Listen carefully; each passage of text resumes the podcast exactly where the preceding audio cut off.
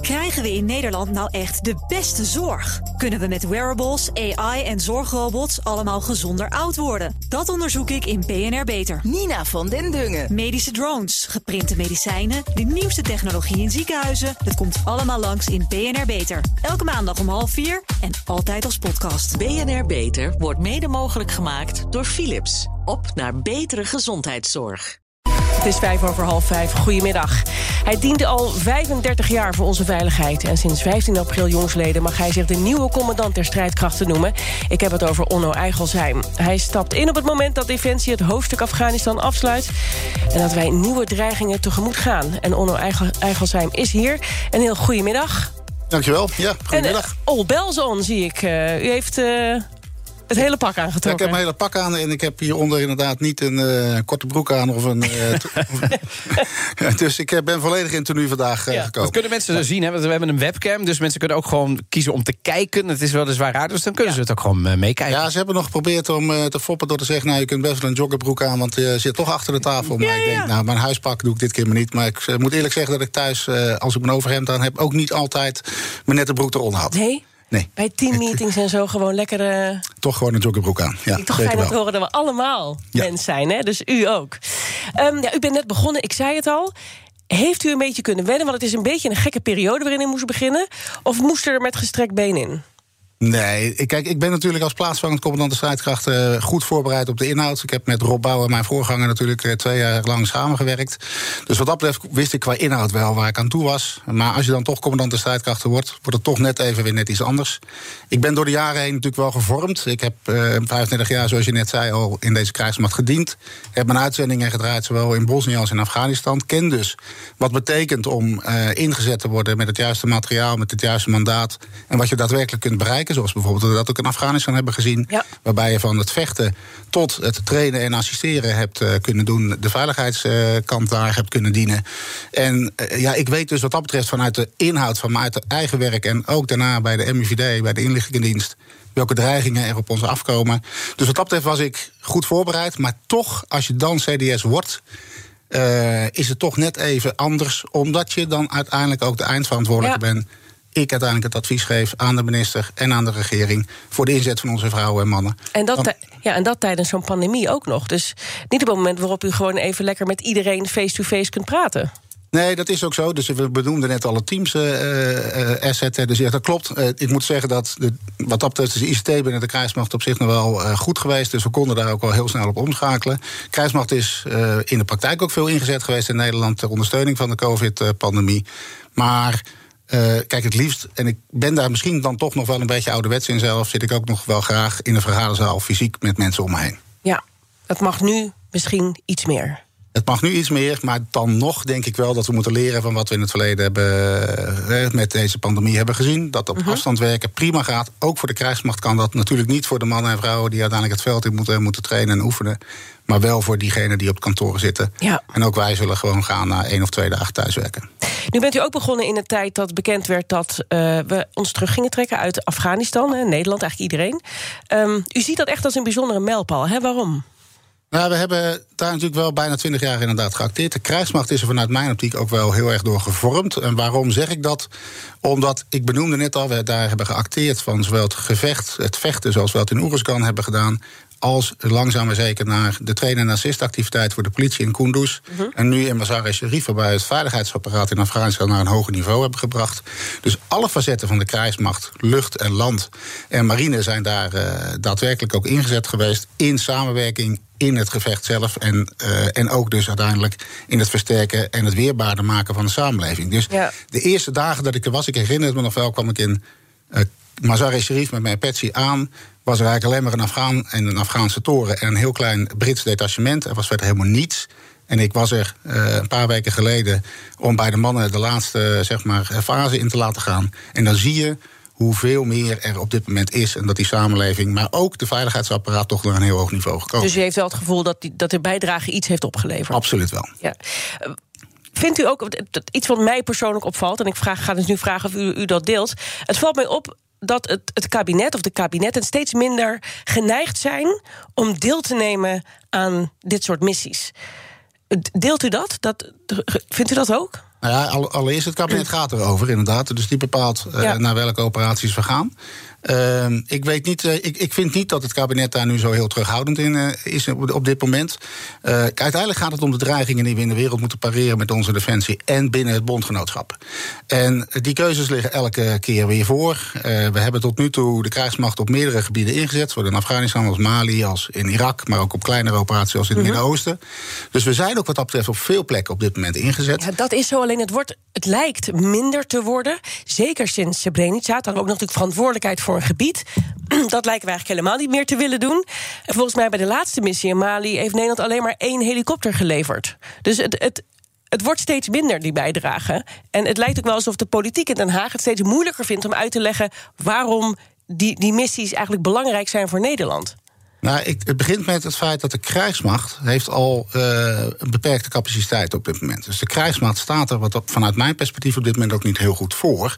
Maar wat doet u als u zegt beperkte capaciteit? Want dat, dat, dan denkt iedereen nu, ja, dat klopt, want we weten van de bezuinigingen. Ja. Maar als je geen militair bent, wat, wat betekent het de facto dat we beperkte capaciteit hebben? Dat we op dit moment vaak nee moeten zeggen tegen de vraag van de NAVO of de vraag van de Europese Unie. Dus we kunnen het gewoon niet. We, hebben de, we kunnen gewoon niet. De, de, materieel of manschappen? Of allebei? Het manschap en het materieel kunnen we op dit moment niet leveren die gevraagd wordt eh, door het bondgenootschap. En dat is iets wat ik wel wil.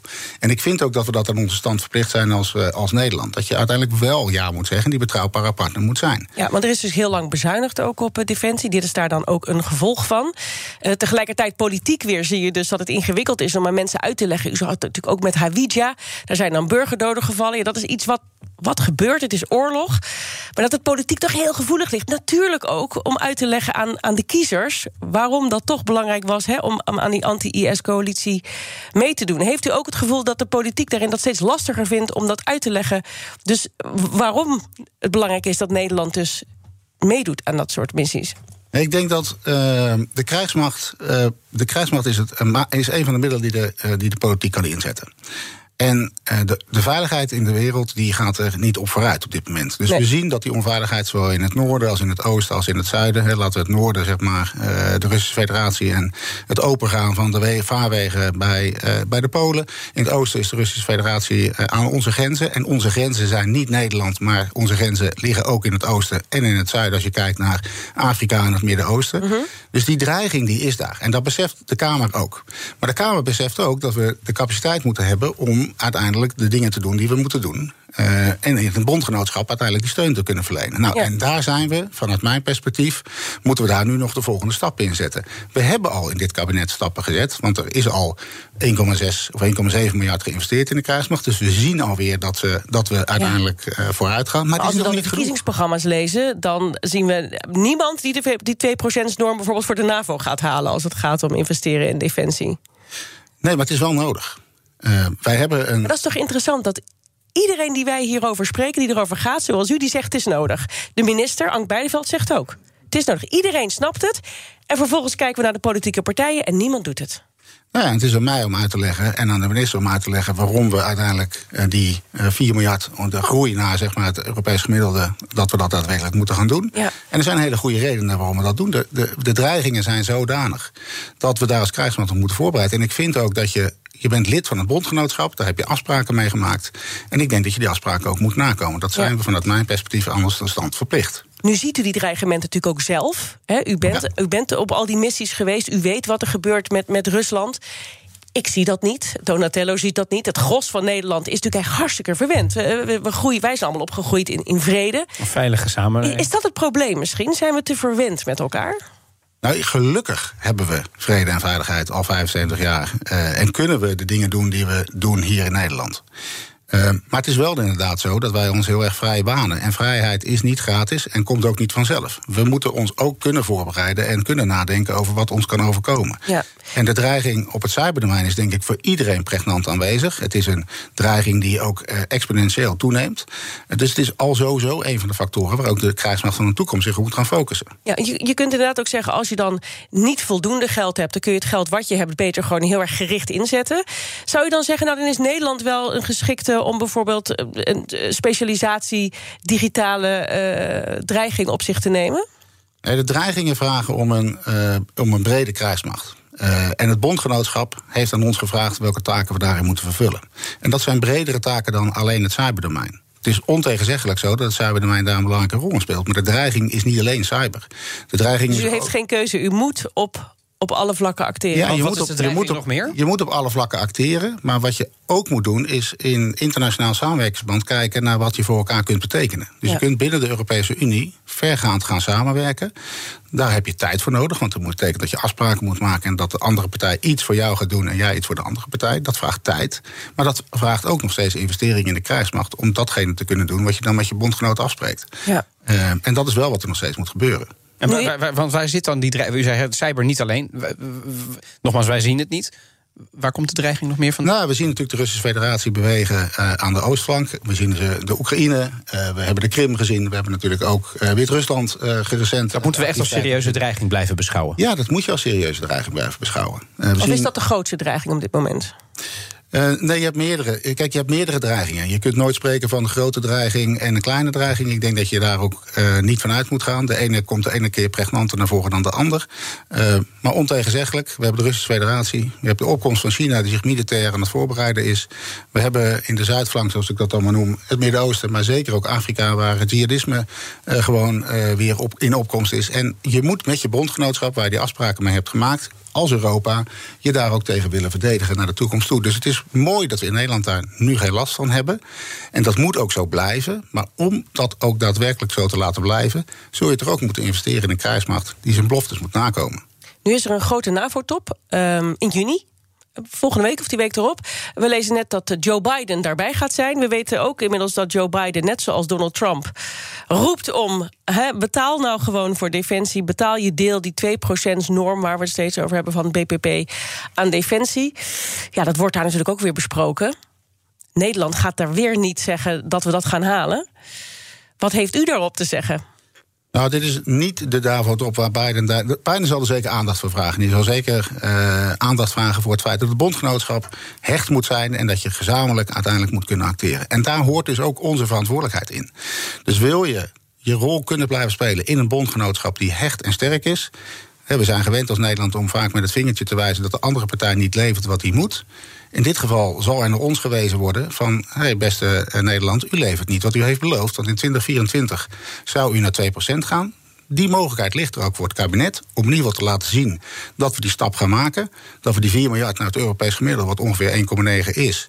Uh, dat je alvast richting die 2% gaat.